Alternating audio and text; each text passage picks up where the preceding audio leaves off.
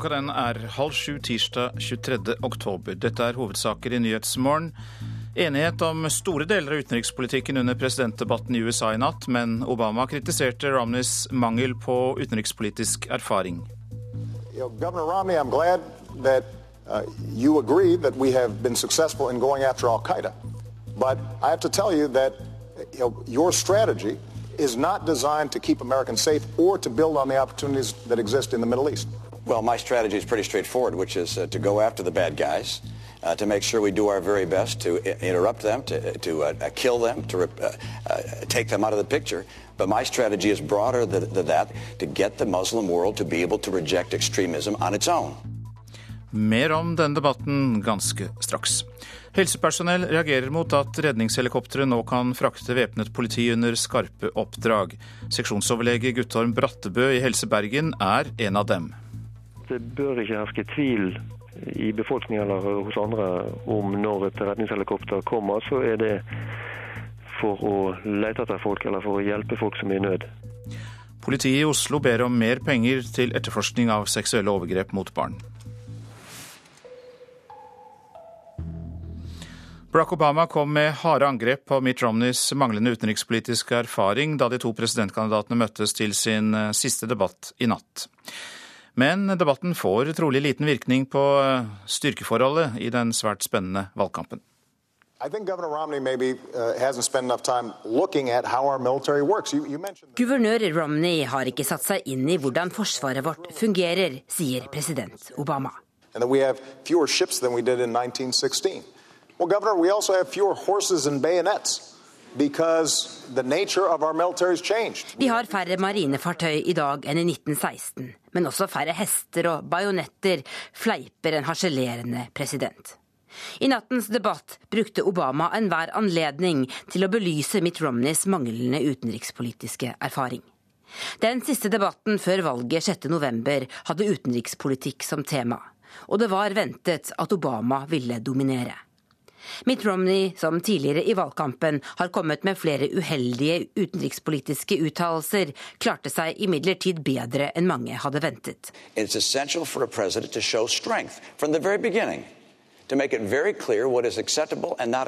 Han anklaget Obama for å kutte for mye i militærbudsjettet, og for ikke å ha innført harde nok sanksjoner mot Iran. En meningsmåling tatt opp for CNN rett etter debatten viser at de spurte syntes Obama var best. Men de var nærmest delt på midten i spørsmålet om hvem de synes kan bli en god øverstkommanderende for USA. Obama og Romney ligger nesten helt likt på meningsmålingene, og det er ikke ventet at dette vil endre seg stort etter nattens debatt. Det sa reporter Tove Bjørgaas. Og eh, korrespondent Jon Gelius, du er i Florida, ved Lynn University i Boca Reiten i Florida, og fulgte debatten. Og hva er de første reaksjonene du har eh, fanget opp? Ja, Det spørs hvem du snakker med. Jeg har snakket både med den republikanske senatoren John McCain, som jo er mannen som både utfordret eh, Mitt Romney for fire år siden i det republikanske partiet og beseiret han, men tapte for president Obama i den forrige presidentkampen. Han mener at eh, partifellen Romney gjorde en strålende innsats og utmerket seg godt og klarte seg bra, og mente at Obama ikke var noe særlig god i denne debatten. Og så gikk jeg snakket med eh, Obamas nære rådgiver David Fluff, som var kampanjesjefen for Obama for fire år siden. Han sier da det samme om sin mann, sin sjef, nemlig Obama, at han klarte seg bra, at dette blir en veldig bra eh, debatt. Eh, Så de folkene som vi har møtt i spinnrom etterpå fra de ulike leirene, vil selvfølgelig fremheve sine egne. Kommentatorer her mener at dette var en relativt eh, grei debatt, litt kjedelig debatt. Obama var mest på hugget av de to.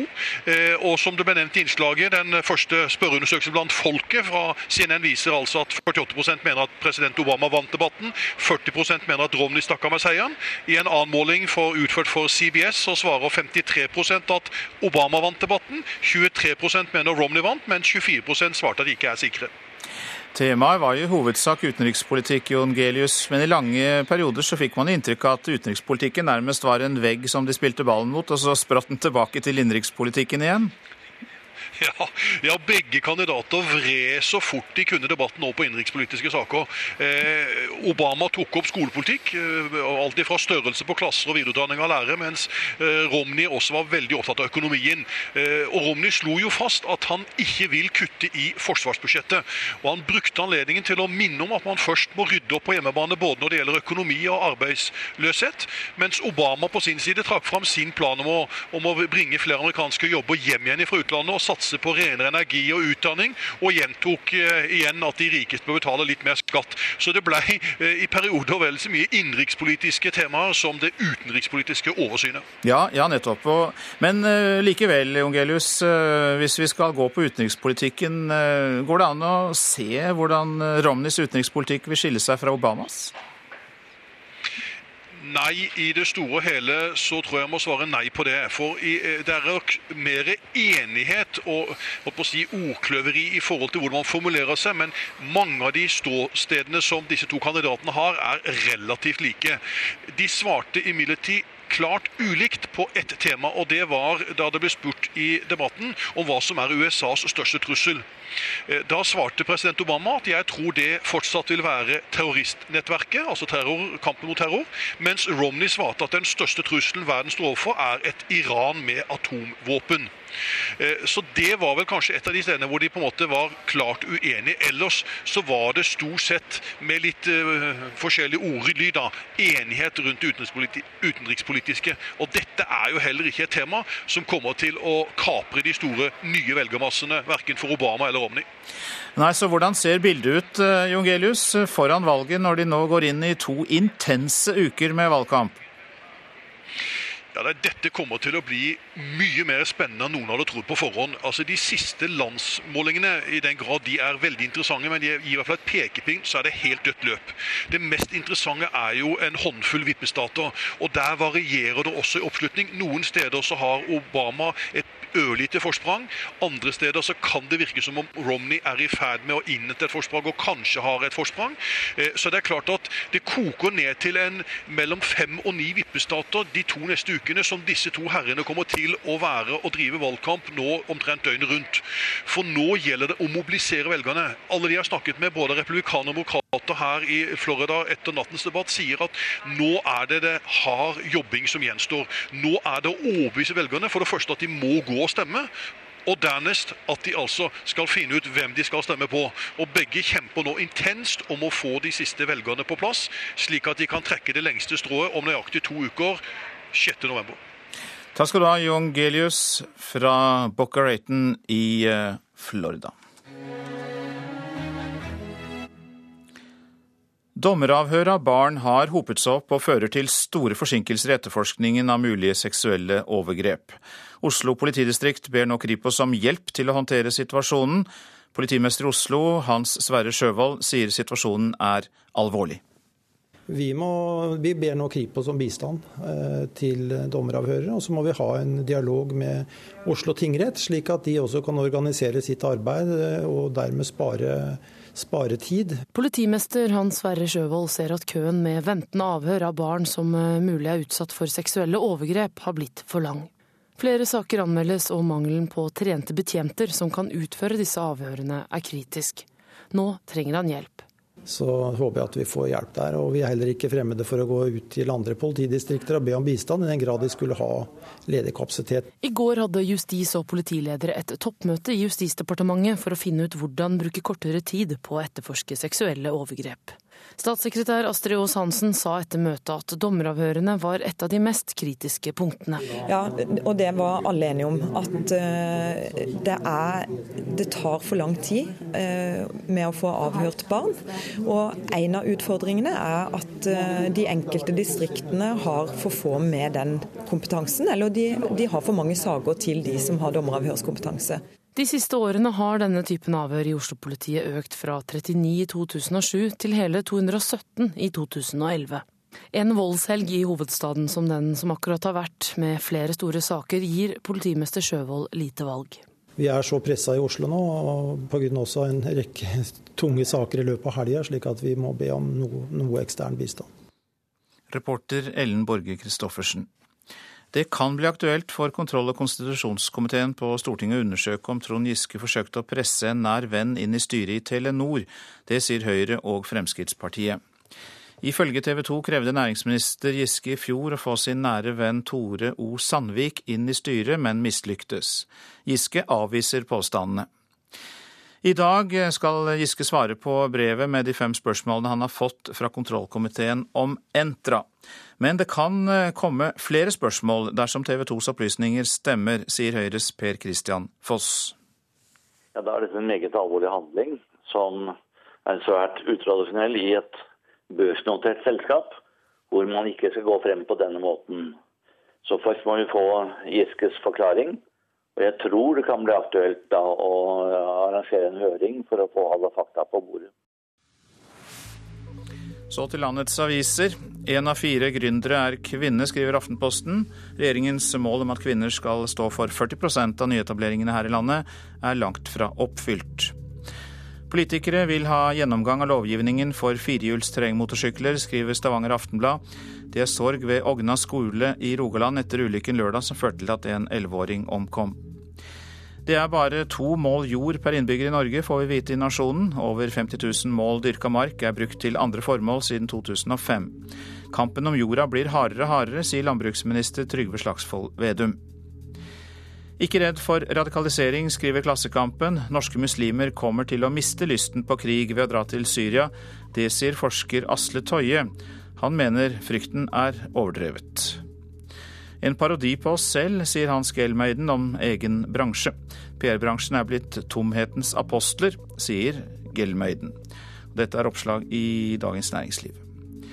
28 år i isolat, sjokkerende praksis i USAs fengsler, er oppslaget i Dagsavisen. Over 25 000 amerikanere soner i isolat, og over to millioner sitter i fengsel. Snåsamannen tror døden er bedre enn livet, skriver VG. Joralf Gjerstad har skrevet bok og forteller om sine evner, sviktende helse og ensomheten.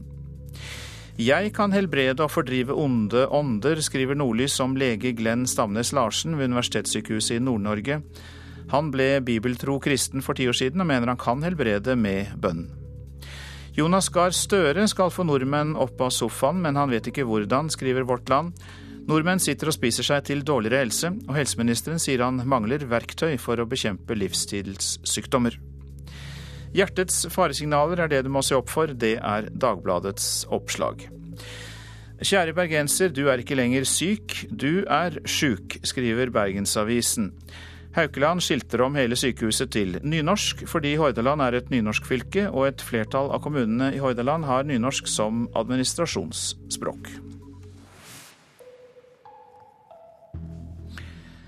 Den palestinske bevegelsen Fatah har vunnet lokalvalg holdt på Vestbredden i helgen. Det er de første valgene som er holdt i de palestinske områdene siden 2006, men eh, valgdeltakelsen var lav. Hamas boikottet, og Fatah-kandidater tapte for utbrytere i flere store byer.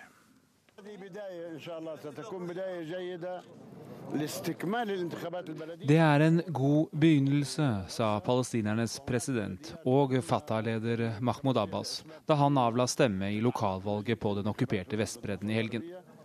Han må ha blitt skuffet da resultatet kom. Bare 55% av velgerne møtte opp i denne første demokratiske muligheten siden 2006.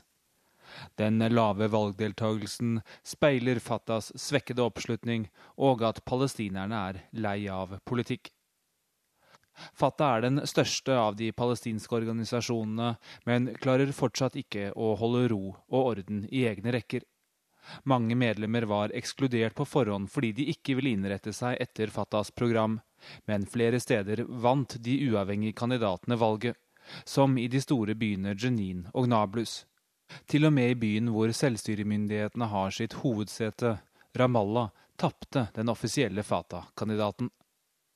Analytikeren Muhaymar Abu Sada sa til det palestinske nyhetsbyrået MAN at Fatah har et problem med manglende disiplin, og at kandidatene ikke følger ledelsens beslutninger.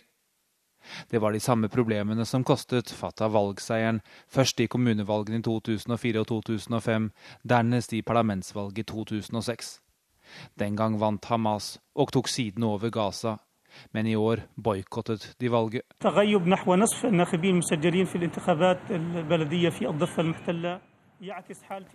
Rundt 50% av velgerne stemte ikke på Vestbredden, og det betyr at de boikottet. Det er en naturlig konsekvens av splittelsen, sa Hamas' talsmann Sami Abu Suri, som unnlot å nevne at Hamas selv ikke har villet ha valg i Gaza. Og nettopp det at valgene ble avholdt, var noe Fatah-ledere og andre topper innenfor lederskap på Vestbredden valgte å understreke. Det ble stemt i 93 av i overkant av 200 valgkretser. Og 55% valgdeltakelse var kanskje ikke så aller verst, gitt Hamas-boikotten og at det ikke gjøres noen framskritt i forholdet til Israel.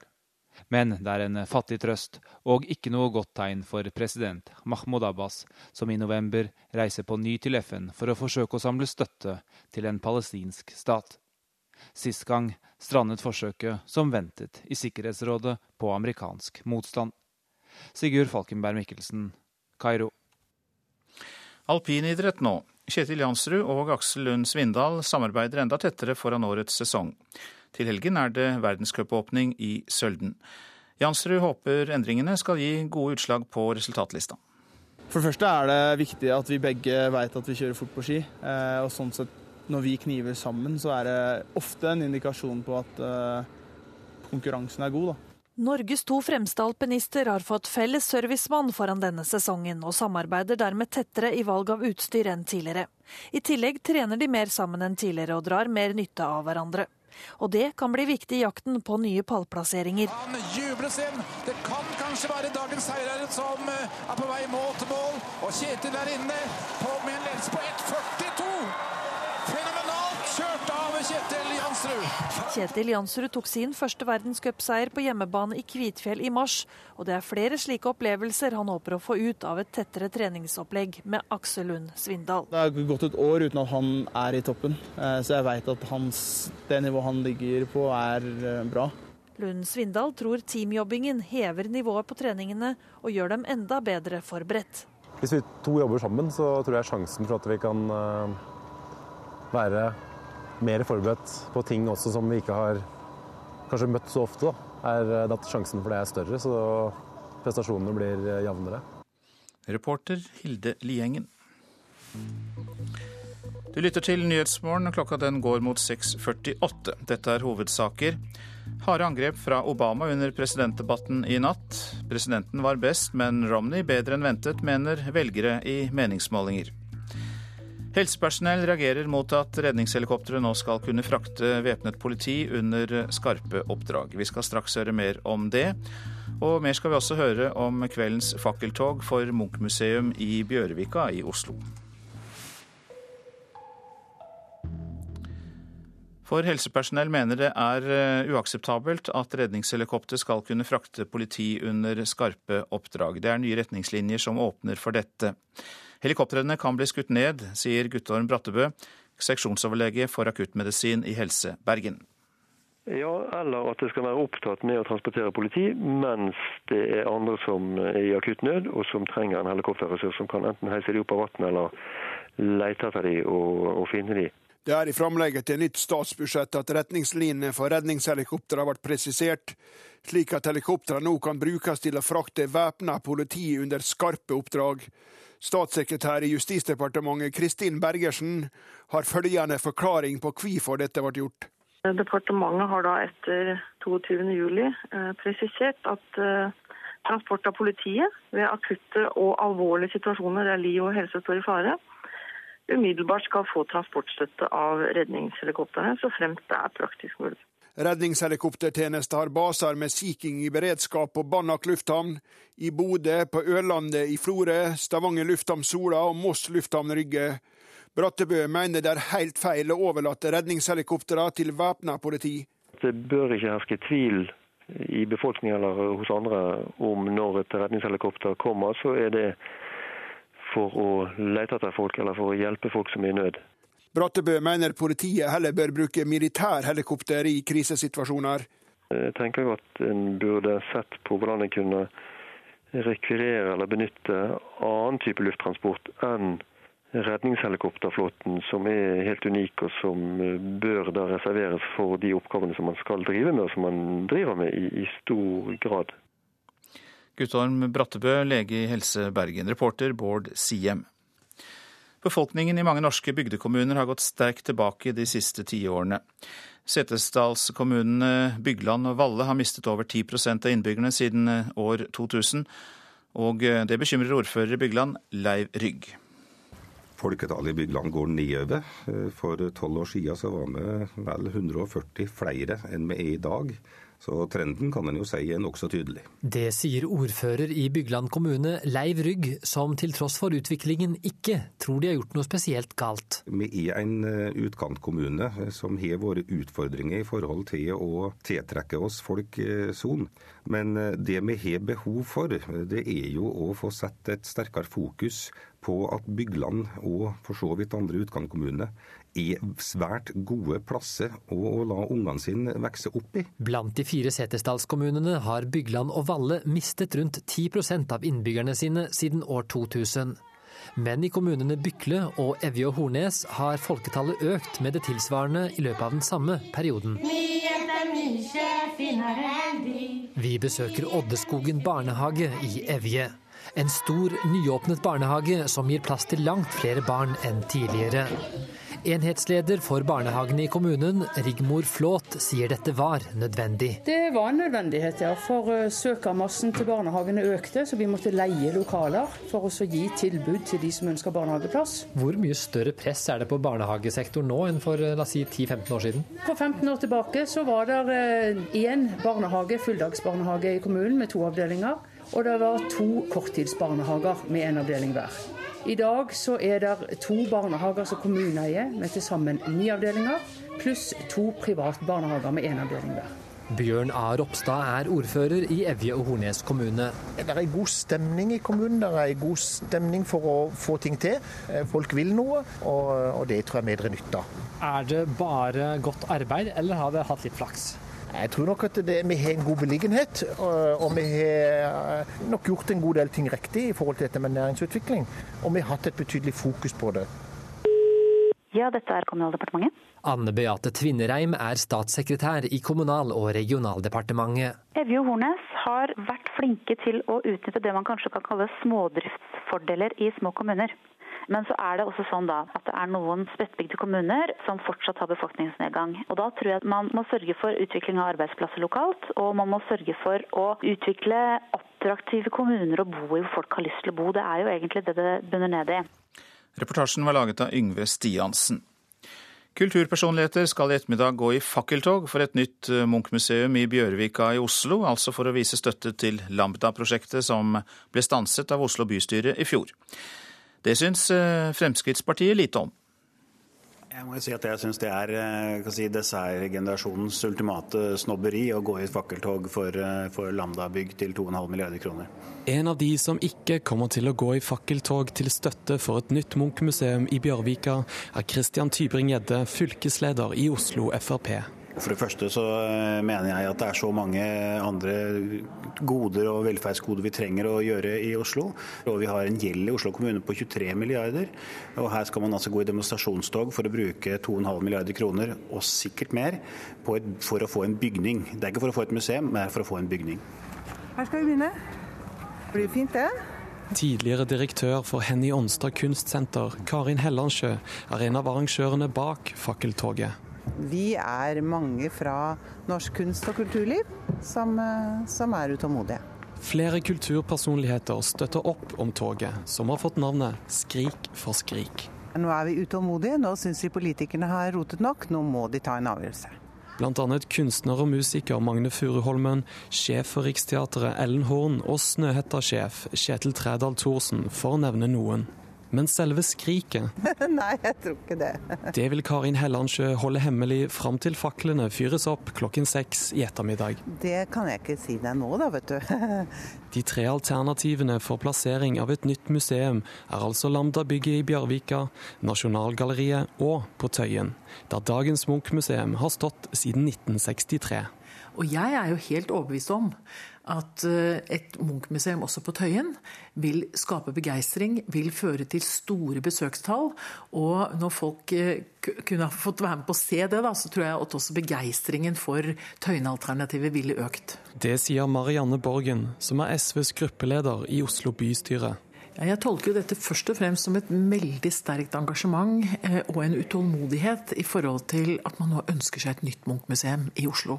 Og det kan bestemmes i desember. For 12.12. på Edvard Munchs fødselsdag klokken tolv møtes Oslo bystyre, og museets framtid kan bli avgjort. Men Fremskrittspartiet vil ikke ha noe Munch i Bjørvika. Kultureliten og en del kultursnobber er for, eh, for Lambda. Det er fordi at de ikke skal betale for det selv.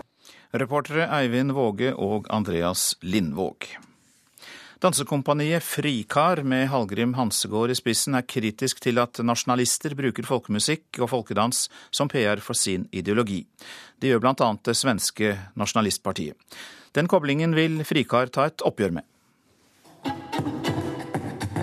Vi kan ikke finne oss i at uh, høyreekstreme bare planta flagget sitt i, i tradisjonsarven vår og sier at det er deres.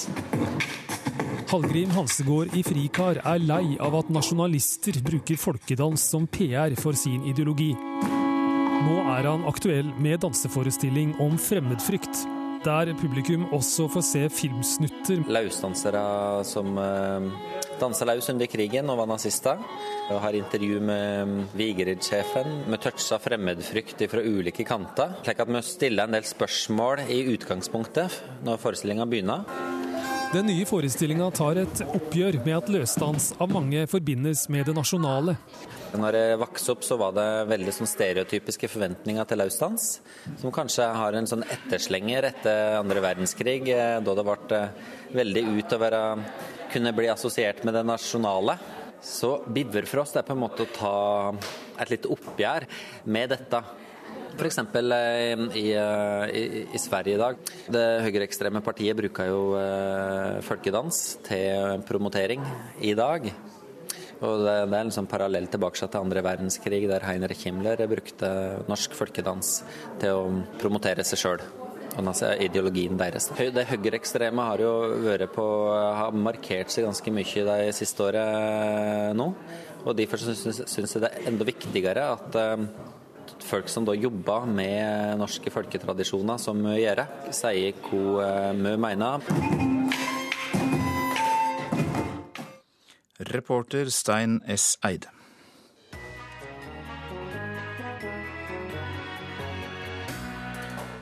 I Radioselskapet er ambisjonene justert for ukas toppliste. Forfatter Vidar Kvalshaug har nemlig tatt på seg å kåre de tre beste norske litterære verkene etter andre verdenskrig. Intet mindre. Og så skal mannen som rappa Humor-Norges største TV-stjerner fra NRK til TV Norge få avsløre hva han lokker sånne som Harald og Bård og Ylvis med. Velkommen til Radioselskap klokka 11. Vi tar for oss været. Fjell i Sør-Norge, til dels pent vær i Langfjella, ellers skyet eller delvis skyet, stort sett opphold. Agder, Telemark og Østlandet stedvis pent vær, særlig i høyden og i indre områder. En del tåkeskyer i lavereliggende områder. Rogaland for det meste pent, fra ettermiddag mer skyet, først i nordlige områder. Hordaland og Sogn og Fjordane til dels sterk kuling ved Stad. Skyet eller delvis skyet, stort sett opphold. I kveld blir det litt regn i nord. Møre og Romsdal i formiddag øking til sørvest liten kuling på kysten. I kveld stiv kuling, litt regn av og til. Trøndelag stort sett opphold. I ettermiddag øking til sørvest stiv kuling på kysten. I kveld til dels sterk kuling. Litt regn eh, også da i kveld, først i ytre strøk, og nedbøren øker utover kvelden i Trøndelag. Helgeland, Saltfjellet, Salten og Ofoten. Perioder med liten kuling på kysten. Litt regn. Snø over 600 meter. I kveld regn, sludd i Ofoten. På um, Sør-Helgeland øking til sørvestlig sterk kuling og lokalt mye nedbør. Lofoten og Vesterålen sørvest liten kuling utsatte steder. Fra i formiddag nordvestlig frisk bris. Enkelte regnbyger. Fra i ettermiddag sluddbyger. Troms eh, sørvestlig stiv kuling på kysten, fra i formiddag frisk bris. Regnbyger, snøbyger over 400 meter. Finnmark vestlig liten eller stiv kuling på kysten, opp i sterk kuling i vest. Regnbyger etter hvert også i fjordstrøkene i vest.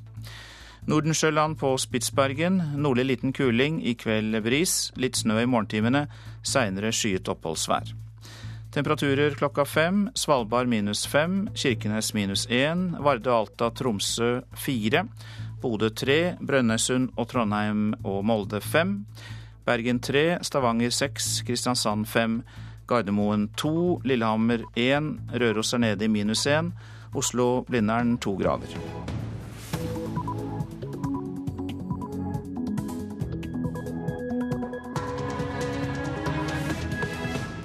Vi slår fast at du lytter til P2s Nyhetsmorgen. Nå klokka sju har vi denne nyhetsoppdateringen. Obama kom best ut av nattens presidentdebatt, mener velgere. Obama og Romney er ikke på linje i USAs utenrikspolitikk, mener rådgiver for det demokratiske partiet David Fluff. President was strong. Governor Romney was unsteady. President was clear. Governor Romney's been all over the map. Humanitære organisasjoner vet ikke om de kan gjennomføre leteaksjoner. De frykter at de får mindre penger. I våre verste scenario, scenarioer så ser vi at vi kan kanskje miste mange, mange redningsskøyter. Ti redningsskøyter muligens. Og det er fordi tippemidler eh, forsvinner delvis. President Lars Hellandsjø i Redningsselskapet hørte vi der. Helsepersonell reagerer mot at redningshelikoptre nå skal kunne frakte væpnet politi under skarpe oppdrag. Oslo politidistrikt ber Kripos om hjelp for å få ned køen med dommeravhør av barn. Vi er så pressa i Oslo nå og pga. også en rekke tunge saker i løpet av helga, slik at vi må be om noe, noe ekstern bistand. Politimester Hans Sverre Sjøvold i Oslo. Og Kontrollkomiteen på Stortinget kan komme til å undersøke om næringsministeren forsøkte å presse en nær venn inn i Telenor-styret. USA-valg først. Barack Obama kom med harde angrep på Mitt Romneys manglende utenrikspolitiske erfaring da de to kandidatene møttes til sin siste debatt i natt. Men debatten får trolig liten innvirkning på styrkeforholdet i den svært spennende valgkampen. Your strategy previously has been one that has all over the map. I'm glad that you recognize that Al Qaeda is a threat. Because a few months ago, when you were asked what's the biggest geopolitical threat facing America, you said Russia. President Obama kommer med det ene angrepet på Mitt Romney etter det andre.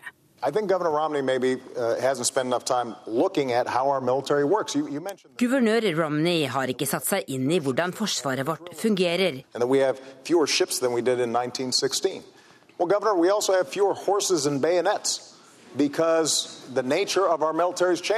har færre marinefartøy i dag enn i 1916, men også færre hester og bajonetter, fleiper en harselerende president.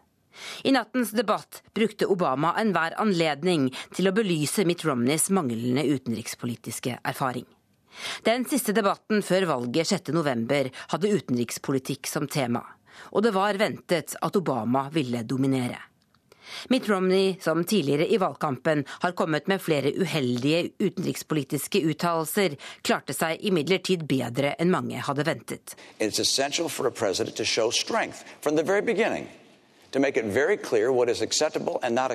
Han anklaget Obama for å kutte for mye i militærbudsjettet.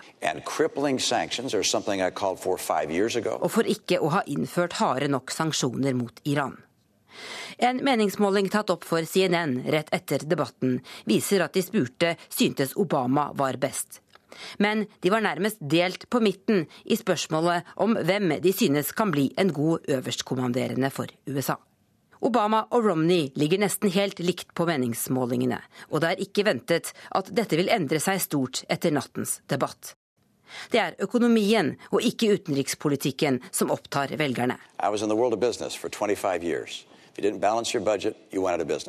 Derfor brukte kandidatene også tid til å snike inn kommentarer om arbeidsplasser, statsbudsjettet og innsparingstiltak i nattens debatt. Sa reporter Tove Bjørgaas.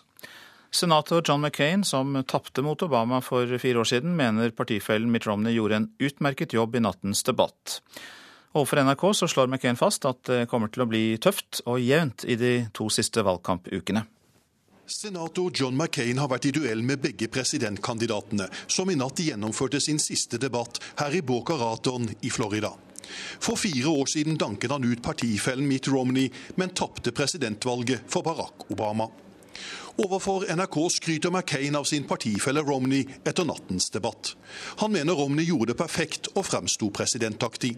I thought it was. I thought uh, Mitt Romney did excellent. I think it was the president. Uh, by many of his remarks were basically cheap shots and not presidential.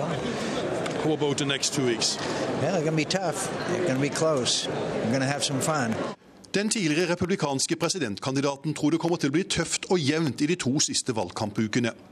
Den erfarne senatoren mener president Obama sliter med å overbevise velgerne om at han fortjener en ny presidentperiode. Den dystre økonomiske situasjonen i USA med høy arbeidsløshet har gjort at mange har mistet troen på presidentens evne til å få landet på fote igjen, slår den republikanske veteranen fast. En av president Obamas aller nærmeste rådgivere, David Fluff, mener sjefen klarte seg svært bra i den siste debatten. Han var mannen som ledet Obamas suksessrike kampanje for fire år siden. Overfor NRK mener han at Obama kom styrket ut av nattens debatt. Uh, very, very president was strong. Governor Romney was unsteady. President was clear. Governor Romney's been all over the map. The president's been right about all the core foreign policy challenges of the time, and Governor Romney's been wrong about most of them. What will be the main challenge for the next two weeks? Well, the main challenge is we've got to continue to get our message out, and uh, we've got to turn out our voters. So we're going to campaign as hard as we can.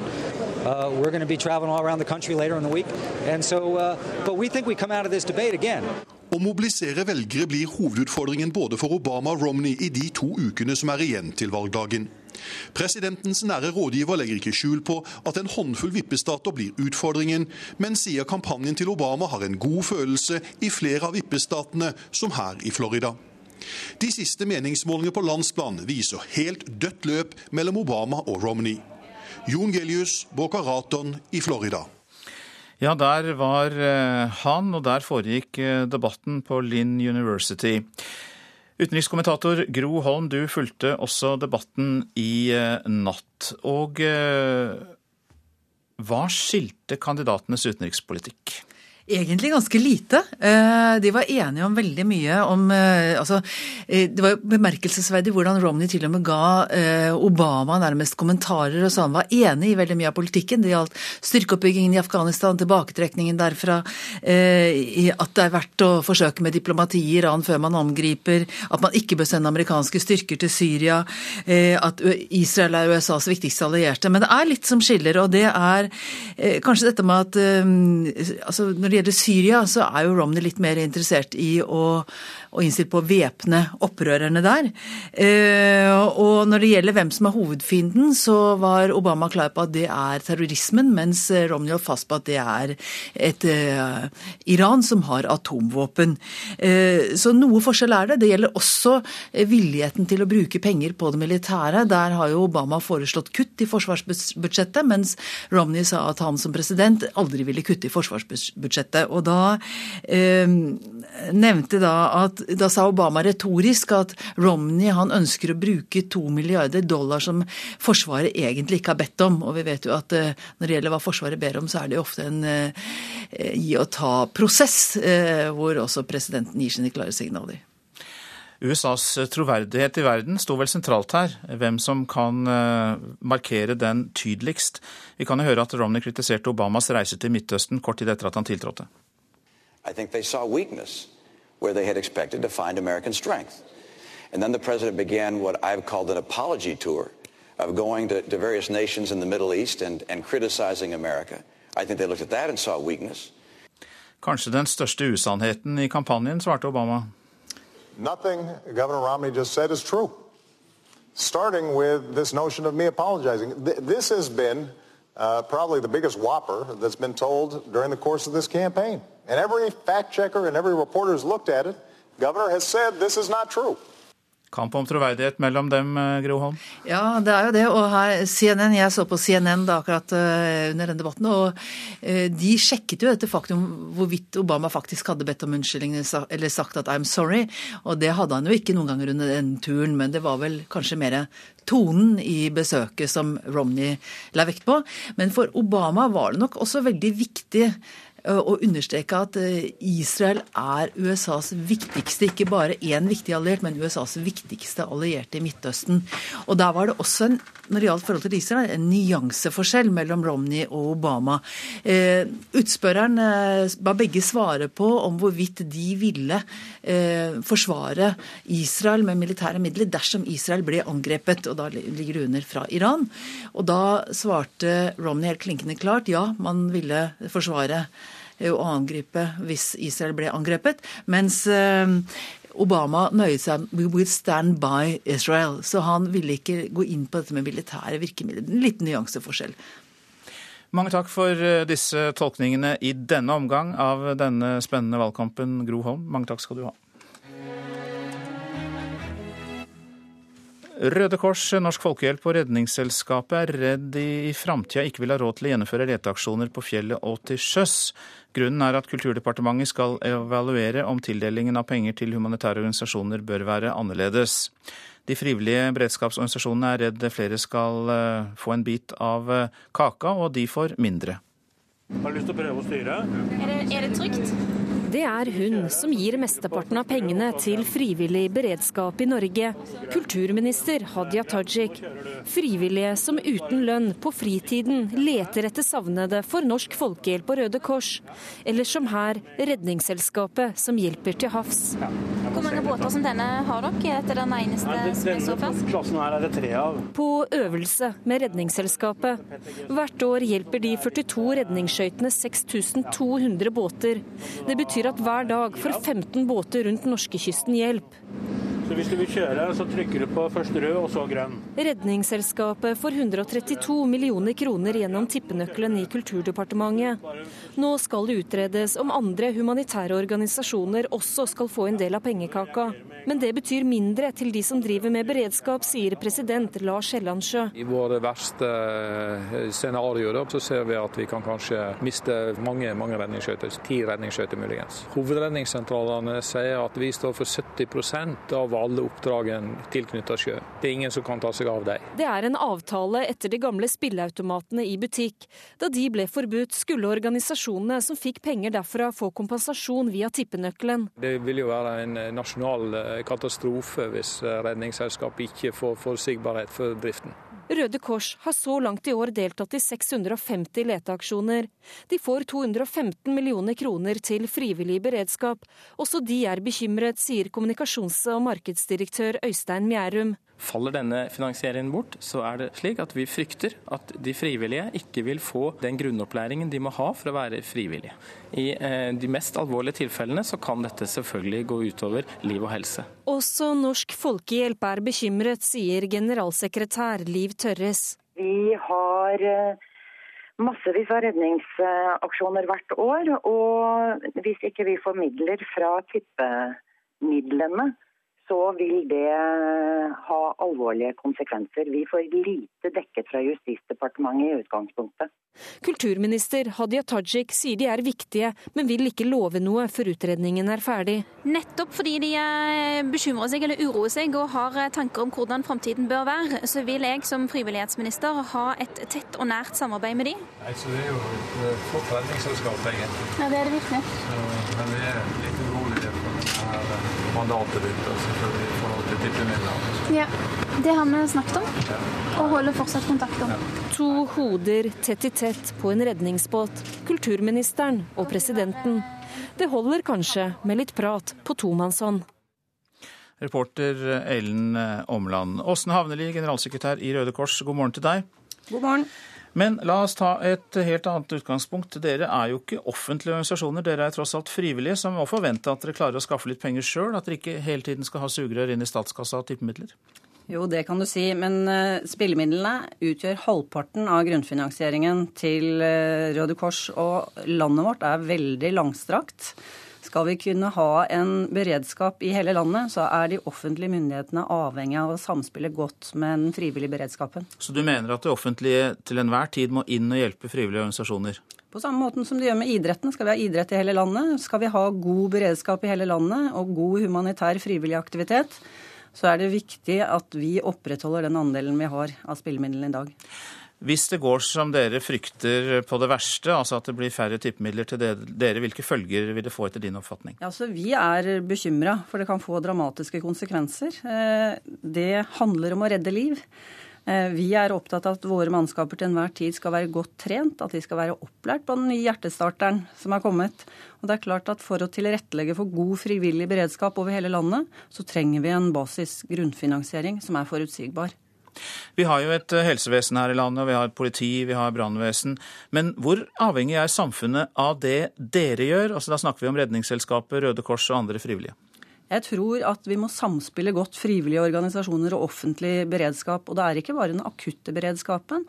Det kan også være omsorgsberedskap. Når vi hadde orkanen Dagmar eksempelvis, de gamle som var på Nordvestlandet, måtte ha besøk hver dag for å se om de hadde, hadde, det varmt nok, om de fikk mat. Og da var det frivilligheten som tro til. Så samspillet mellom offentlige og frivillige organisasjoner er helt avgjørende for at vi skal ha god beredskap i landet vårt. Hva gjør dere for å bedrive lobbyvirksomhet nå for å holde fast i det knipetaket dere har på tippemidler? Vi jobber jo tett sammen med vi ti organisasjonene som har en andel her. Og så jobber vi selvfølgelig opp mot politikere og andre aktører for å synliggjøre at dette arbeidet er faktisk viktig. Vi har et langstrakt land. Eh, de første minuttene eh, er avgjørende når vi skal redde liv, og da er det ofte de frivillige som er der. Dragkamp om pengene, vi får se hvordan det går. Åsne Havneli, generalsekretær Røde Kors, mange takk for at du kom. Takk skal du ha. Det kan bli aktuelt for kontroll- og konstitusjonskomiteen på Stortinget å undersøke om Trond Giske forsøkte å presse en nær venn inn i styret i Telenor. Det sier Høyre og Fremskrittspartiet. Ifølge TV 2 krevde næringsminister Giske i fjor å få sin nære venn Tore O. Sandvik inn i styret, men mislyktes. Giske avviser påstandene. I dag vil Giske svare på brevet med de fem spørsmålene som han har fått fra kontrollkomiteen om eh, Entra. Men Høyres Per Christian Foss sier at det kan komme flere spørsmål hvis TV 2s opplysninger stemmer. Dette er Nyhetsmorgen. Klokka har passert 7.16. Vi har disse hovedsakene. Obama dominerte i nattens presidentdebatt, mener velgerne. Oslo politidistrikt ber Kripos om hjelp for å få ned køene med dommeravhør av barn. Og som vi hørte, kontrollkomiteen på Stortinget kan komme til å undersøke om næringsministeren forsøkte å presse en nær venn inn i Telenor-styret. Oslo politidistrikt ber Kripos om hjelp for å få ned køene med dommeravhør av barn. Situasjonen er så kritisk at politimester Hans Sverre Sjøvold ikke ser at de kan klare seg alene. Vi, må, vi, ber nå Kripos om bistand eh, til dommeravhørere, og så håper jeg at vi får hjelp der. Og Vi er heller ikke fremmede for å gå ut til andre politidistrikter og be om bistand, i den grad de skulle ha ledig kapasitet. Politimester Hans Sverre Sjøvold ser at køen med ventende avhør av barn som eh, mulig er utsatt for seksuelle overgrep, har blitt for lang. Flere saker anmeldes, og mangelen på trente betjenter som kan utføre disse avhørene, er kritisk. Nå trenger han hjelp. Vi er så pressa i Oslo nå pga. også en rekke tunge saker i løpet av helga, slik at vi må be om noe, noe ekstern bistand. Ja, det var Ellen Borge Christoffersen som var reporter i denne saken. Forbrukerrådet anklager banknæringen for å ha lurt tusenvis av småsparere, og møter i dag DNB i Høyesterett. På 2000-tallet så ble Vanlige folk anbefalte bankene sine å låne penger og plassere dem i såkalte strukturerte spareprodukter. Og eh, det var umulig å forstå hva dette var, mener Randi Flesland, direktør i Forbrukerrådet. Det er en prinsippsvak for eh, norske småsparere. Det er en mengde nordmenn, over 100 000, som har kjøpt eh, noen spesielle produkter i flere banker. De kalles for lånefinansierte, strukturerte, garanterte spareprodukter. Eh, og realiteten er jo at sannsynligheten for å tape er vesentlig høyere enn for å vinne. Småspareren Ivar Petter Røegen tapte 230 000 kroner på det banken sa var en sikker måte å spare på. I dag blir det opp til Høyesterett å finne ut om han ble villedet av banken, eller om han bare hadde uflaks med dårlig timing i aksjemarkedet. Spareproduktet var så komplisert og dårlig at det aldri burde ha blitt solgt, hevder Forbrukerrådet. Og beregninger som professor Tore Johnsen fra Handelshøyskolen har gjort, og som banken heller ikke har protestert på, viser at sannsynligheten for å tape er mer enn 50% Dvs. Si at sjansen for å vinne er mindre enn sjansen for å tape. Til sammen har tusenvis av småsparere tapt 14 milliarder kroner på lånefinansierte spareprodukter, ifølge beregninger fra Dine Penger. Røeggens sak er typisk, og det er derfor Forbrukerrådet kjører denne som en pilotsak, sier direktør Randi Flesland. Og nå går den jo helt til Høyesterett, for at vi ønsker at alle småsparere som har kjøpt denne type produkter, skal få pengene sine tilbake. Røeggen og Forbrukerrådet vant mot DNB i tingretten, men tapte i lagmannsretten. DNBs informasjonsdirektør Thomas Midteide står fast på at det ikke var noe i veien med det som altså fikk navnet garanterte, strukturerte spareprodukter med lånefinansiering. Det som skjedde i denne saken var at Røeggen var veldig uheldig med aksjeinvesteringen sin. Aksjemarkedet kollapset, og da ble også gevinsten borte på dette produktet. Eh, så har han betalt renter og avdrag på et lån i tillegg, og det skjønner vi selvfølgelig er, eh, er eh, kjedelig. Men nå får dere jo ikke lov til å selge som dere lånefinansierte spareprodukter lenger. Det er vel en grunn til det? Ja, det er lenge siden vi sluttet å lånefinansiere denne typen investeringer. Og Det er også en læring av denne saken, at når gevinsten blir borte fordi aksjemarkedet kollapser, så er det kjedelig å måtte betale ned på et lån.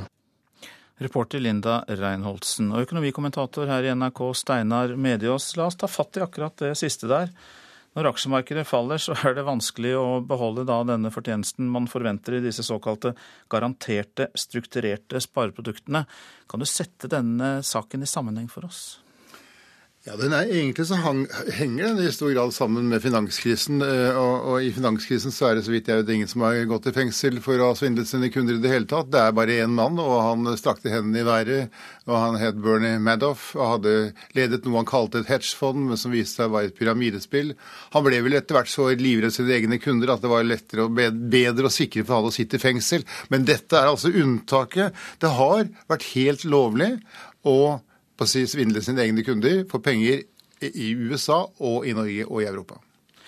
Hva skjer dersom Høyesterett da faktisk kommer til at DNB har holdt seg innenfor lovlighetens grenser likevel? Da vil det være en dom som er helt på linje med det vi har sett før. Vi hadde en Longvik-sak som også Høyesterett behandlet for en tid tilbake. Eh, der fikk også Storebrand medhold. Eh, det er interessant å se at eh, lovgivers intensjoner, dvs. Si Stortingets intensjoner om å beskytte den lille mot eh, den store, farlige finansverden, det, det har ikke vært noe særlig sterkt bolverk. Eh, og Det er noen, også noen paradokser i dette. Finanstilsynet kan lukke en butikk, ta fra dem konsesjonen, men den samme butikken er ikke erstatningsansvarlig for å ha solgt sine kunder dårlige produkter. Så her er det asymmetri, og det er noe som er inkonsistent. Og jeg vil tippe at det som kommer etter denne saken, blir en betydelig oppvask. Kan DNB, DNB, bli dømt også, eller hva tror du er retningen på den altså, saken? DNB kan bli dømt, og det, og, men det, de jeg snakker med, sier at da tror vi at eh, Høyesterett vil være litt forsiktige. Eh, og at de gjør denne saken ikke generell. For da kommer disse tusenvis av sparerne som vi hørte om i denne reportasjen, eh, som har spart i akkurat samme typen produkter. Da vil de kunne også gjøre sine krav gjeldende. Men gjør man denne saken helt sånn spesiell til Rødeggen, at akkurat i dette dette tilfellet kan det vise at eh, i forhold til ham osv., da har man isolert saken til ett individ. Og det vil være en lettelse for banken, tror jeg. fordi at akkurat Røeggen-saken handler om svært lite penger for en stor bank, men når det kommer tusenvis, så blir kravene milliarder. Tida løper, Steinar Medias, men helt til slutt, har eh, finansbransjen rydda opp nå? Finansbransjen har vel eh, ikke ryddet opp i den forstand at, eh, at vi, vi, har fått et mye sikrere og bedre opplegg rundt våre kunder, eh, eller rundt bankens kunder. Så lenge alt som har skjedd i denne krisen har vært innenfor lovens rammer og innenfor de, de, regulerende myndighetenes rammer, så kan vi ikke si at det er ryddet opp. Jeg vil tippe at vi må se litt nærmere på det lovverket som skal beskytte kundene. Vi har et massivt lovverk som skal beskytte norske forbrukere i alle retninger. Men når det gjelder finans, kan man bli påført eh, en skade for livet uten at de er beskyttet. Vær på vakt, får vi da si. Økonomikommentator i NRK Steinar Mediås, eh, takk skal du ha. Norsk Hydro tjente nesten ikke penger i tredje kvartal. Det viser selskapets presentasjon av resultatene. Resultat før skatt og finansposter gikk ned til 8 millioner kroner i tredje kvartal, fra 589 millioner kroner i kvartalet før. Lavere priser på aluminium er mye årsaken til det svake resultatet, opplyser selskapet. Så til avisene. Én av fire gründere er kvinne, skriver Aftenposten. Regjeringens mål om at kvinner skal stå for 40% av nyetableringene her i landet, er langt fra oppfylt. Politikerne vil ha gjennomgang av lovgivningen for firehjuls terrengmotorsykler, skriver Stavanger Aftenblad. Det er sorg ved Ogna skole i Rogaland etter ulykken lørdag som førte til at en elleveåring omkom. Det er bare to mål jord per innbygger i Norge, får vi vite i Nasjonen. Over 50 000 mål dyrka mark er brukt til andre formål siden 2005. Kampen om jorda blir hardere og hardere, sier landbruksminister Trygve Slagsvold Vedum. Ikke redd for radikalisering, skriver Klassekampen. Norske muslimer kommer til å miste lysten på krig ved å dra til Syria, sier forsker Asle Toje. En parodi på oss selv, sier Hans Gelmeiden om egen bransje. PR-bransjen er blitt tomhetens apostler, sier Gelmeiden til Dagens Næringsliv. 28-årig isolat, sjokkerende praksis i USAs fengsler, er oppslag i Dagsavisen. Over 25 000 amerikanere soner i isolat, og over to millioner sitter i fengsel. Snåsamannen tror døden er bedre enn livet, skriver VG. Joralf Gjerstad har skrevet bok og forteller om sine evner, sviktende helse og ensomheten. Jonas Gahr Støre skal få nordmenn opp av sofaen, men han vet ikke hvordan, skriver Vårt Land. Nordmenn spiser seg til dårligere helse, men helseministeren sier han mangler verktøy for å bekjempe livsstilssykdommer.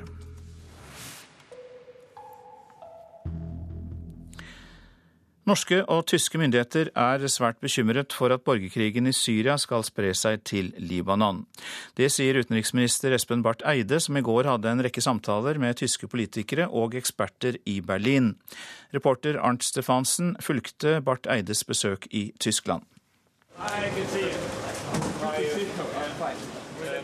Utenriksminister Espen Barth Eide får en hjertelig mottakelse i kansleramt, den tyske regjeringssjefens kontor her i Berlin.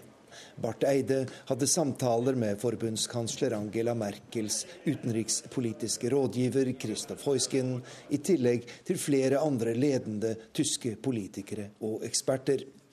Og blant de viktigste temaene var norsk-tyske spørsmål, Europas gjeldskrise, forholdet til Russland og ikke minst situasjonen i Libanon.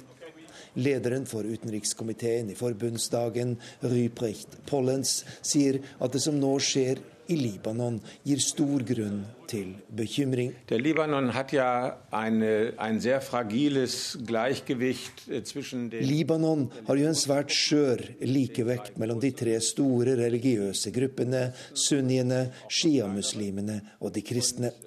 Og som følge av borgerkrigen i Syria er Libanon kommet under et stadig sterkere press, bl.a. ved at 70 000 flyktninger er kommet fra nabolandet. Et tall som øker hele tiden. Attentatet sist helg kan ødelegge den skjøre likevekten. Vi håper at det ikke skjer, men for hver dag krigen i Syria varer, blir dette vanskeligere å unngå, sier lederen for den tyske utenrikskomiteen. Og også på norsk side er det nå stor frykt for at borgerkrigen i Syria skal spre seg til Libanon skal huske på at eh, Libanon og Syria var for ikke så veldig mange generasjoner siden samme eh, land. Eh, det er mange overlappende konfliktmønstre mellom de to landene. Og den relative stabiliteten som Libanon har oppnådd de siste årene, den syns nå å kunne være truet ved spredning av konflikten fra Syria. Dette har også vært et tema i mine samtaler her i Berlin, og Tyskland og Norge ser veldig likt på dette og veldig opptatt av å bidra til å unngå spredning. Espen Barth Eides besøk her i Berlin i går er hans første bilaterale besøk siden han tiltrådte som utenriksminister. At Tyskland er det første landet han reiser til, er et valg som er gjort med omhu, sier utenriksministeren. Fordi Tyskland er uh, vår viktigste partner i Europa. Uh, Tyskland er helt sentral i de prosessene som nå pågår i EU og i å få orden på den økonomiske situasjonen i vårt eget kontinent. Norge er det landet i verden som er mest med i EU uten å være med i EU. Og, Da er det viktig å bruke de nære relasjonene vi har til Tyskland, til å være ordentlig inngrep med det som nå skjer på kontinentet. sa utenriksminister Espen Barth Eide. En selvstendighetsbølge går over Europa. Skotter og katalanere vil rive seg løs. Mer om det i reportasjen etter Dagsnytt. Forslaget om sekstimersdag for småbarnsforeldre hemmer likestillingen, mener NHO. Det blir debatt i Politisk kvarter. Produsent for Nyhetsmorgen Ulf Tannes Fjell. Her i studio Øystein Heggen.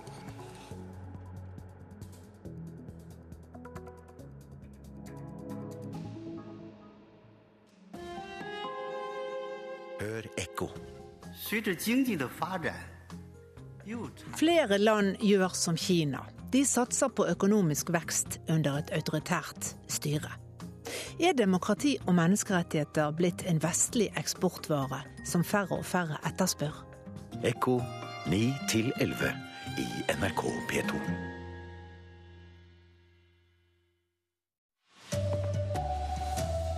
Obama vant over Romney i presidentdebatten i natt, mener TV-seerne. I think Governor Romney maybe uh, hasn't spent enough time looking at how our military works. Oslo politidistrikt ber om hjelp fra Kripos, klarer ikke å få unna køene med barn som skal avhøres om overgrep. Her er NRK Dagsnytt klokken 7.30. Barack Obama kom med harde angrep på Mitch Romneys manglende utenrikspolitiske erfaring da de to presidentkandidatene møttes til sin siste debatt i natt. Men eh, debatten får sannsynligvis liten innvirkning på styrkeforholdet i den svært spennende valgkampen. I'm glad that you recognize that Al Qaeda is a threat. Because a few months ago, when you were asked what's the biggest geopolitical threat facing America, you said Russia. Jeg er glad du innrømmer at Al Qaida er en trussel. For et par måneder siden sa du jo at Russland er USAs største fiende, fleiper president Obama. I nattens debatt i Boca Raton i Florida brukte han enhver anledning til å belyse motkandidatens manglende utenrikspolitiske erfaring. Sure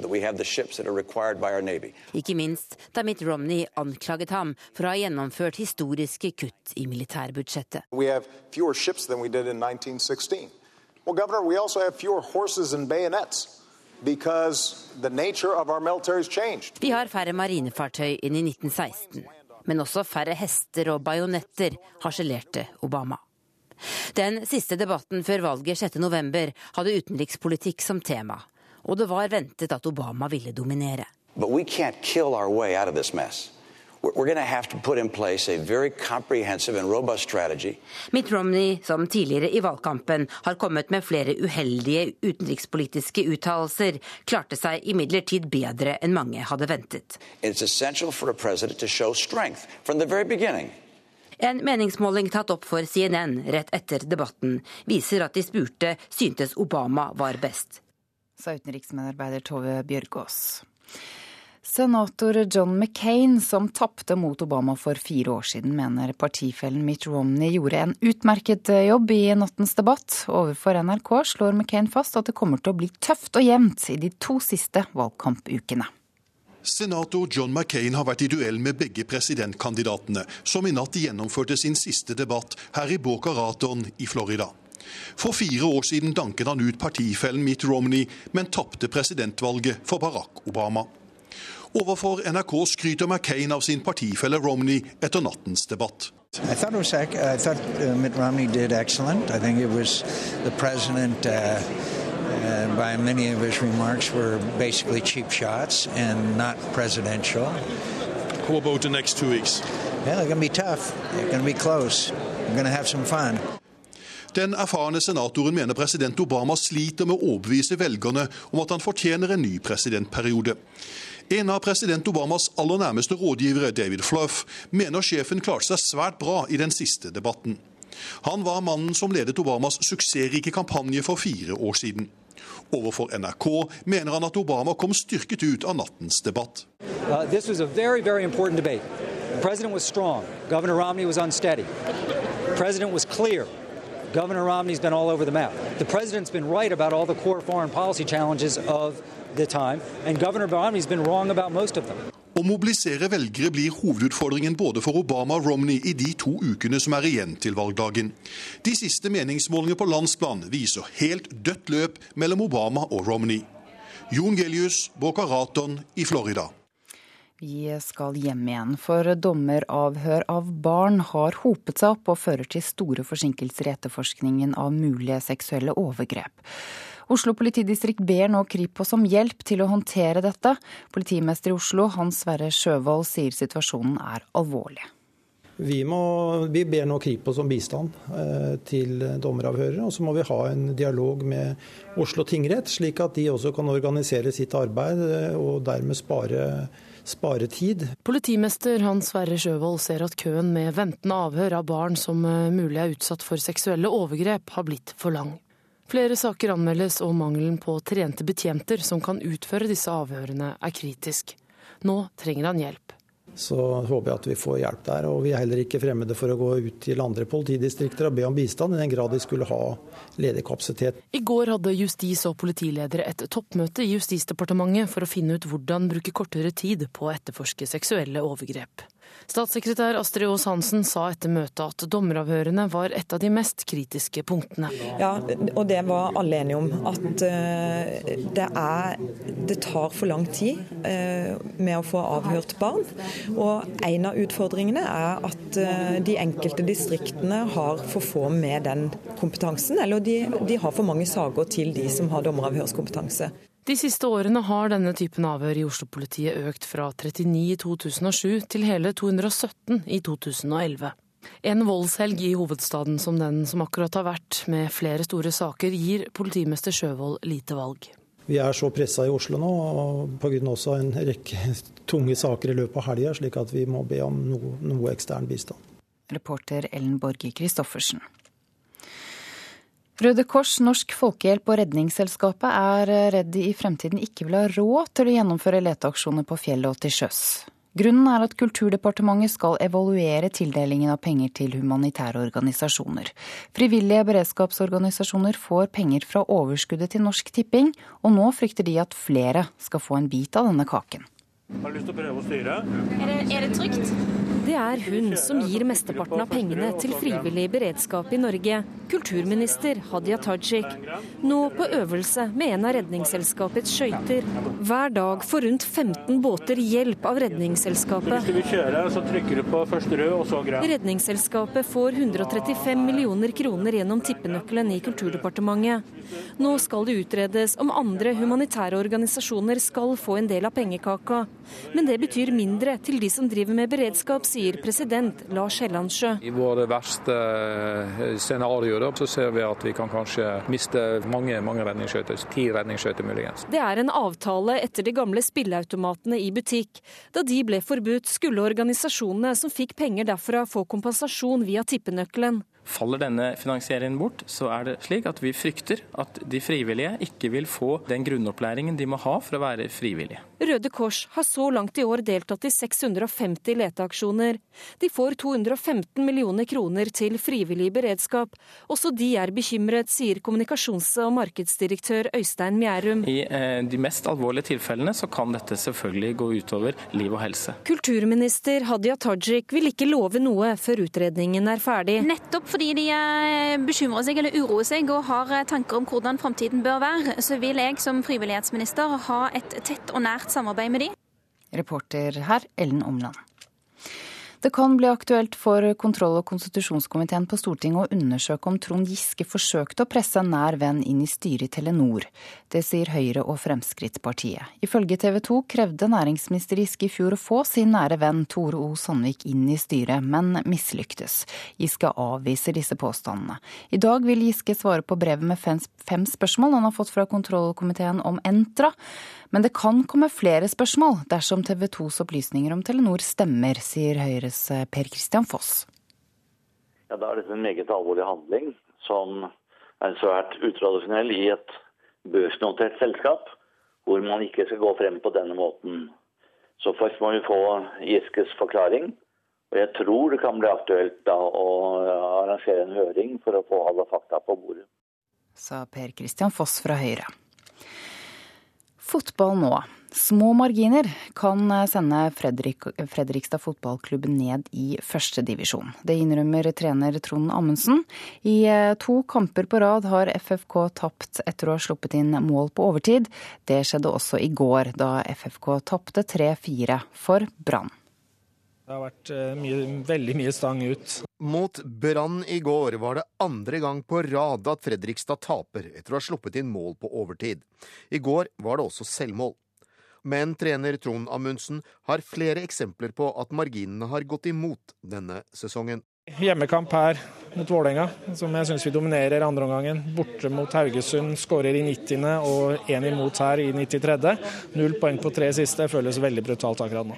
Nå kan marginer imot sende laget ned fra Eliteserien igjen. Ja, Nå er det fortsatt en del kamper igjen, så jeg vil ikke begynne å spekulere på om vi ryker. Men uh, hvis vi skal telle opp antall poeng når ting er slutt, så er det klart marginer har prata mot oss. Reporter Trond Johnsen og Fredrikstad fotballklubb er fortsatt på kvalifiseringsplassen. Tre poeng bak Sogndal og to poeng foran Sandnes Ulf.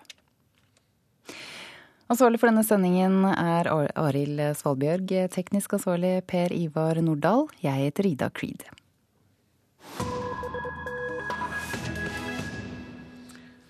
Det går en selvstendighetsbølge gjennom det kriserammede Europa, der flere regioner kjemper for selvstendighet. Det skal vi høre om i Nyhetsmorgen nå. Forrige uke gikk startskuddet for dragkampen mellom ja- og nei-siden for skotsk uavhengighet. En kamp som følges med argusøyne av blant andre spanjoler fra Catalonia. We're paying a lot of taxes. We don't get back the money for that. We have our own culture, our own way of, of seeing the world. Independence, yes, definitely yes. De var blant halvannen million spanjoler i Barcelona sist måned som tok til gatene i kampen om et selvstendig Catalonia. Den katalonske regjeringen planlegger å trosse den spanske regjeringen og holde en folkeavstemning om selvstendighet. De ønsker å bryte ut av Spania, på samme måte som den skotske nasjonalistiske regjeringen ønsker seg ut av den britiske union. Uh, Katalaneren Miguel Pascal er på besøk i Skottland. Han støtter de skotske nasjonalistenes kamp om uavhengighet, slik han støtter sin egen regjeringssjef i Barcelona. So you ha en independent Catalonia? Yeah, yeah, yeah, yeah. please. Probably in two years more, similar than in Scotland, make a reference in Spain to Catalonia independent and The Pascal tror det blir en folkeavstemning om katalansk selvstendighet, akkurat som i Skottland, selv om den spanske regjeringen har satt foten ned. Utenfor St. Andrews House i Edinburgh var spanske medier på plass for å følge den historiske avtalen som ble inngått sist uke om folkeavstemning i Skottland. We are following this with a lot of admiration because we can see that in other countries it's possible and in Spain it's not. Carles Costa er journalist i katalonsk TV. Han forklarer at det er stor stemning for selvstendighet. Possible, Skottland har kommet lengst. En avtale om folkeavstemning er inngått med den britiske regjeringen. Folkets mening skal bli hørt og respektert. Selvstendighetsvinden blåser også i belgiske Flandern, nord i Italia og i tyske Bayern er det ønske om mer kontroll over skatteinntektene. Rikmannsseparatisme kaller Uffe Østgård det, historiker og professor ved Copenhagen Business School. Til Adresseavisa sier han at den økonomiske krisen utløser uavhengighetstrangen. And Catalonia is uh, more rich than the other uh, cities in, in Spain and pays more uh. Catalonia er rikere enn resten av Spania, påpeker Miguel Pascal, for tiden arbeidssøkende i Skottland. Den økonomiske krisen har rammet Spania svært hardt. Også i Skottland argumenterer nasjonalistpartiet med at uavhengighet vil gi dem kontroll over egne inntekter, bl.a. fra olje- og gassutvinning. Men der skottene er i gang med valgkampen, krangler den katalonske og den spanske regjeringen om lovligheten av en folkeavstemning.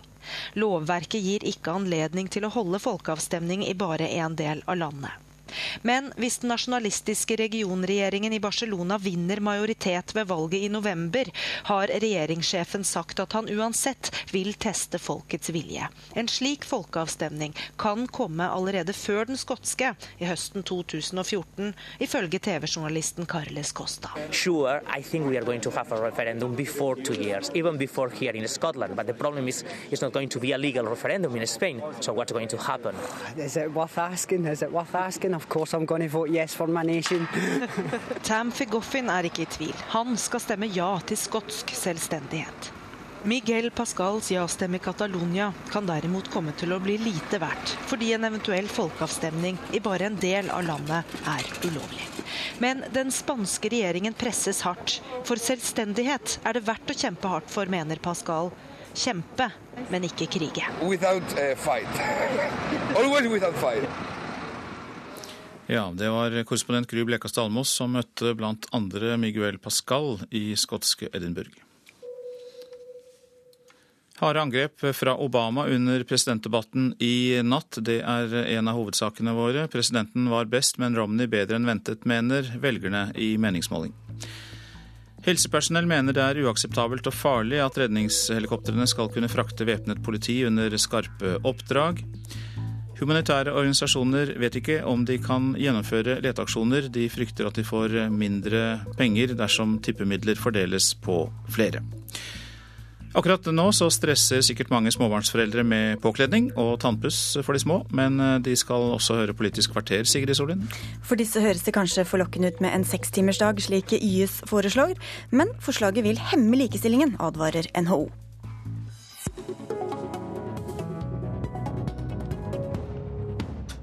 NHO er altså lite begeistret for forslaget fra arbeidstakerorganisasjonen YS om sekstimersdag for foreldre med barn mellom ett og tre år, der staten betaler mellomlegget så de kan heve full lønn.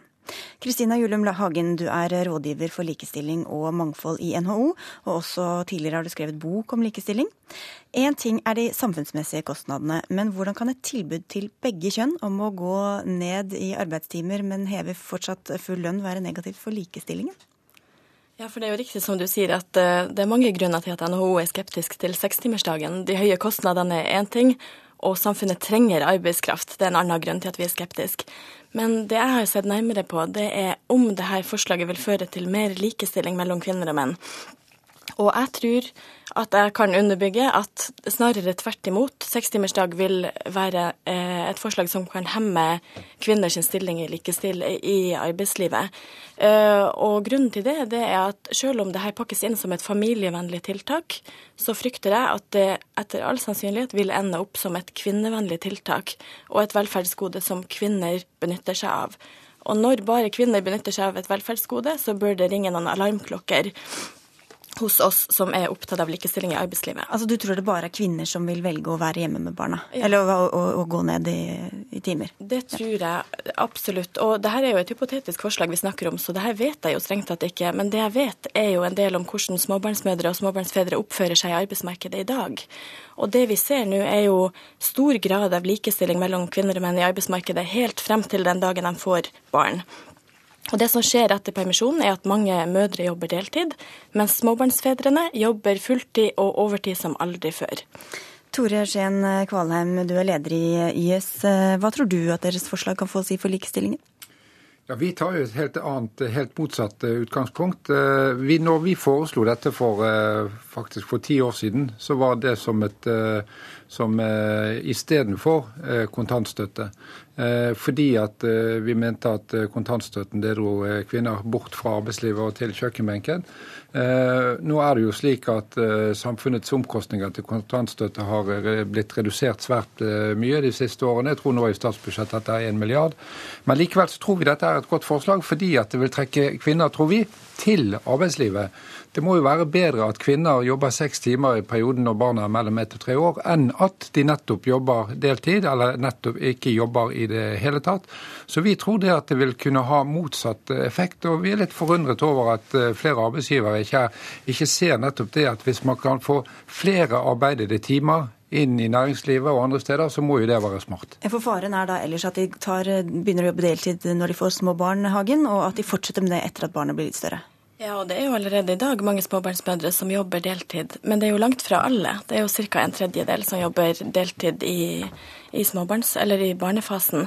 Eh, det jeg er redd for med det forslaget her, er jo at enda flere kvinner kommer til å synes at det blir attraktivt å jobbe deltid, og kanskje også vil oppleve et press. At de får Eh, smaken på det når de går ned til seks timer? Ja, kanskje ikke det, men eh, jeg er jo sjøl i målgruppa for det forslaget her. og Jeg kan tenke meg at uh, å stå imot et press om å få betalt full lønn for å jobbe deltid, det er nok ganske tøft også for en eh, mamma i eh, tidsklemma. Så jeg tror jo heller at resultatet av forslaget vil være at flere kvinner som har unger mellom én til tre, vil velge deltid enn i dag. Ja, et, altså nettopp dette med, altså Vi ser jo, som, som, som det ble sagt, at uh, vi, et, vi har et, i stor grad uh, et kjønnsdelt arbeidsmarked som gjør at uh, far jobber overtid og mor jobber deltid for at man skal få livspuslet til å gå i hop. og som Aftenposten også skrev i går, som vi har funnet ut i YS arbeidslivsbarometer, mange av oss menn vi har dårlig samvittighet både på jobben og hjemme fordi at vi føler vi ikke strekker til. Så jeg tror jo det at hvis begge to jobbet seks timer i den perioden barna er mellom ett og tre år, så ville man kunne fått dette til å gått bedre i hop. Og jeg tror at kvinner ville nettopp hatt fortsatt å ha, å ha da en tilknytning til arbeidslivet, sånn at de fortsetter i full jobb når barna blir litt større. Men hva sier de erfaringene dere har gjort dere, eller vi har gjort oss som samfunn, både når det gjelder fødselspermisjon og hvem som faktisk jobber mest når barna er små, om hvem som kommer til å benytte seg av dette tilbudet? Blant kvinner eller menn, da? Ja, altså Når det gjelder kontantstøtten, så ser vi jo helt klart at, at det er kvinner som, som bruker den i, i, i, stor, i størst mulig grad. Men, men, nettopp det altså at vi tror at hvis begge to fikk full lønn med å jobbe seks timer i perioden når barna er mellom ett og tre år, så ville, så ville det gjort at man eh, fortsatte i, i, full stilling også når barna men, men, blir større. Men tror du at, at menn også ville velge det, det jeg tror det at i hvert fall med bakgrunn i de undersøkelsene eller de resultatene vi ser i YS arbeidslivsbarometer, så tror jeg nettopp at dette ville vært attraktivt også for, eh, for svært mange eh, menn. Fordi at man føler i dag at man ikke strekker til, verken på jobben eller hjemme. Hvorfor har ikke dere tiltro til norske menn, eh, Hagen? Nei, jeg syns jo det er prisverdig at ordninga er utforma kjønnsnøytralt. Men det vi ser med alle kjønnsnøytrale velferdsgoder i, som er retta mot småbarnsfamilier, det er jo at det er stort sett småbarnsmødrene som benytter seg av dem. Og så kan man jo tenke at det er jo vel og bra, la de småbarnsmødrene ha det gode. Men faren er at når du deltar i arbeidslivet, så er det ikke bare lønn du mister med å redusere stillinga di. Du mister også en del andre goder, individuelle goder som handler om eh, avansement, spennende arbeidsoppgaver, karriereopprykk. Og i min kronikk som jeg skrev i Dagens Næringsliv på lørdag, så viser jeg til flere forskere som advarer mot en bumerang i arbeidslivet. De sier det at flere velferdstiltak som har vært innført de siste 20 årene, har vært retta mot familiene, har vært brukt bare av kvinner, og det ender opp som en bumerang i likestillingspolitikken. Det var ment å fremme likestilling, men ender opp med å motvirke nettopp det. Men, men hvis er sånn kvinner velger, da, hvorfor skal man ikke la dem gjøre det? Ja, Hvis samfunnet først skal bruke mange mange milliarder på en reform, så bør vi jo sikre oss at den reformen ikke har helt motsatt effekt av mål vi ellers etterstreber i samfunnsutviklinga. Så det, det jeg syns er et viktig poeng, er nå har vi i mange år snakka om likestillingspolitikk som tilretteleggingspolitikk. Hvordan kan vi la småbarnsmødre og -fedre bli skjerma og få mulighet til å redusere innsatsen sin i arbeidslivet etter de har blitt foreldre? Jeg ønsker meg heller en vridning i debatten, hvor sjefer rundt omkring heller spør vi regner med deg her på arbeidsplassen vår. Hva kan jeg gjøre for at du skal fortsette å bidra så godt som du har gjort hittil i arbeidslivet? Det, det er helt klart at vi, vi, har, vi, har, nok samme mål, men uh, likevel så tror jeg vi tar for helt forskjellige utgangspunkt. Altså, med vårt forslag mener vi nettopp det at det vil bidra til at kvinner har, fortsetter å ha en tilknytning til arbeidslivet, slik at man kan få, gjort, kan få karriere, slik at man kan få avansement. Det vi ser i dag, er jo det at kvinner slutter å jobbe i denne perioden, eller jobber i stor grad deltid. Og Det, det, det er jo for å komme dette til livs at vi vil ha mer si, likestilling i arbeidslivet. Og med dette forslaget så vil vi kanskje kunne få også mer likestilling i heimen. Vi får takke dere for at dere kom og tok debatten. Det ser foreløpig ikke ut til at forslaget uansett blir noe av, men prinsippene er viktige uansett. Kristina Julium Hagen fra NHO og Tor Arntzen Kvalheim fra YS, takk for at dere kom til Politisk kvarter.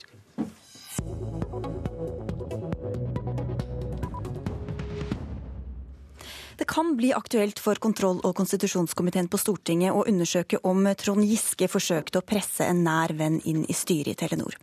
Næringsminister Giske avviser påstandene som kom fram på TV 2 i går, om at han i fjor krevde å få sin nære venn Tore O. Sandvik inn i styret, men mislykkes. I dag svarer han på spørsmålene han har fått fra kontrollkomiteen om Entra-saken, men det kan altså komme flere spørsmål dersom TV 2s opplysninger stemmer, sier Høyres Per Christian Foss. Ja, Da er dette en meget alvorlig handling som er svært utradisjonell i et børsnotert selskap, hvor man ikke skal gå frem på denne måten. Så først må vi få Giskes forklaring. Og jeg tror det kan bli aktuelt da å arrangere en høring for å få alle fakta på bordet. Leder i kontrollkomiteen, Anders Anundsen fra Frp, vil ta opp saka med komiteen ved første mulige høve. Jeg mener det er viktig at vi får avklart hva som er faktum her. Hvis ikke det blir åpenbart for oss gjennom media i løpet av disse dagene, så syns jeg det vil være rimelig å gi Giske anledning til å forklare dette i et brev til, til kontroll- og konstitusjonskomiteen, men det får vi da vurdere på komitémøtet neste torsdag. Trond Giske sjøl nekter for påstandene som kom på TV 2 i går. Både Foss og Anundsen tar atterhold om at opplysningene er sanne. Men er de det, har Giske gått langt utover sine fullmakter, mener Foss. Staten skal ikke, skal ikke på denne måten dirigere eller kommandere personer på plass. Og aller minst kan man gjøre det med partifeller og drive en slags form for kameratfiksing. Anundsen er redd for at slike påstander kan sette staten som eier i et dårlig lys. Det som uansett vil være en utfordring i denne saken og i lignende saker, er at det skapes et inntrykk av at det er en slags uprofesjonalitet i det statlige eierskapet. Og det er en stor utfordring for en stat som eier så mye som den norske. Reporter her var Ellen Wiseth. Og da skal det handle om klima, og nærmere bestemt Fremskrittspartiets forslag til stortingsprogram, hvor de holder på formuleringene om at det er for tidlig å konkludere med at klimaendringene er menneskeskapte. Vår, vår, programformulering er ikke endret fordi at vi ser i løpet av den perioden vi har hatt, at hvis du ser f.eks. på FNs klimapanel, så er det jo ikke noe tvil om hvem som må ha trukket konklusjoner tilbake. Det er jo ikke Fremskrittspartiet, det er de. Hva, hva, mener du med det? De har jo justert f.eks. sine anslag for, for, hvor mye varmere jordkloden kan bli, havstigning osv. Men, mener du at FNs klimapanel nå er blitt, mener at det ikke er så alvorlig som det de sa i begynnelsen? Altså, de har jo justert en rekke av sine punkter. De startet jo som dommedagsprofeter og, og har da nedjustert mange av sine anslag. Ja, Det var et lite gjenhør med medlem av FrPs programkomité Masiar Keshvari fra Politisk kvarter i forrige uke. Og Cecilie Mauritzen, direktør ved CICER og Senter for klimaforskning. Vi tar en liten faktasjekk. Stemmer det han sier her om at FNs klimapanel har justert ned prognosene sine? Nei, absolutt ikke. Det er, det er, nesten vanskelig å tenke seg hva han refererer til. For FNs klimapanel har ikke kommet med noen prognoser siden 2007, når den fjerde rapporten kom ut. Og siden den gang så har vi jo bare opplevd at utslippene har blitt høyere og høyere. Så det er ingen grunn til å tro at de neste rapportene skal vise noe annet. Vi tar en faktasjekk nummer to. I Fremskrittspartiets programforslag står det også at debatten dreier seg først og fremst om hvorvidt menneskelig aktivitet bidrar til å fremskynde eller forandre klimaendringens naturlige gang. Gjør den det på forskningsnivå? Nei, der er ikke debatten i det hele tatt. Det er som å diskutere om røyking forårsaker lungekreft. Vi er liksom langt forbi det. Så debatten i Fremskrittspartiet er gjerne sånn, men ikke på forskernivå. Hvordan ser du som vitenskapskvinne på en debatt om hvorvidt man tror på menneskeskapte klimaendringer eller ikke? Nei, det, det, blir jo lett sånn religion, det da. Vi tror ikke i vitenskapen. Vi underbygger hypoteser og tester og tester og tester det eh, til de faller. Og dette er en av hypotesene som ikke har falt på over 100 år. Hvis vi ser også på de andre partiene, hvor godt orientert vil du si at de er om klimatrusselen? Jeg tror de er veldig godt orientert, og kunnskapen er stor. Selv innen Fremskrittspartiet, i store deler av det også, vil jeg si. Kunnskapen er stor. Det er viljen til å gjøre noe som det står på. Ja, for de fleste partiene og politikerne anerkjenner altså menneskeskapte klimaendringer og beskriver det også som en av vår tids største trusler. Men hvor godt følger de opp retorikken med faktiske tiltak, vil du si? Eh, nei, Du kan se på, eh, på klimameldingen da, eh, og, og, se på tiltakene som er foreslått. de, de monner liksom ikke. Vi har prøvd på Cicero å telle på hvor, om, det, om, det, kommer til å monne. og det, det, det, er jo mye som er diffus, men det som kan telles på, monner i hvert fall ikke. Så jeg tror nok det er en, en vilje, men, men, det er en, det er en mangel på gjennomføringsevne. Har regjeringen noe sjanse med de tiltakene og planene som foreligger nå, om å nå målene om kutt på hjemmebane også innen 2020? Det ser veldig vanskelig ut. For det første så er det veldig kort tid til. Og for det andre så er, eh, som jeg, som jeg sier, tiltakene veldig eh, ikke tilstrekkelige. Eh, så, men med god vilje, så vi må jo alltids håpe, men det ser ikke sånn ut. Hva gjør deg mest oppgitt i den norske klimadebatten? det eh, Jo, jeg, jeg, tror nok eh, det, det, som gjør meg mest oppgitt, er at man egentlig man forstår problemet og ikke gjør noe. Det, det, er nok verre enn at man ikke godtar at det er et problem. Det er, eh, men det sitter ikke nok i ryggraden, tror jeg. Det er ikke en stor nok forståelse for dette diffuse problemet. Det hender jo at også du får kritiske innvendinger, for du har sittet og sitter i klimapanelet og leder et forskningssenter som blir beskyldt for å ha en politisk slagside. Hva svarer du på det? Ja, nå, eh, Det er mange misoppfatninger både om CICERO og om FNs klimapanel. Eh, og eh, En av misforståelsene er nok det at vi opererer som en sånn konklave som låses inn i et rom inntil en ny pave er utvalgt. Det er ikke sånn det foregår. Vi driver med mange år med nøyaktig vurdering av av forskning. Det, det, er liksom det er privilegiet med å sitte i eh, klimapanelet, og du blir veldig eh, oppdatert. Og Cicero er ei heller spesielt eh, politisk. Takk Cecilie Mauritzen fra Cicero for at du kom til Politisk kvarter, som nå er slutt. Mitt navn er Sigrid Solund, og P2 har mer å by på utover dagen.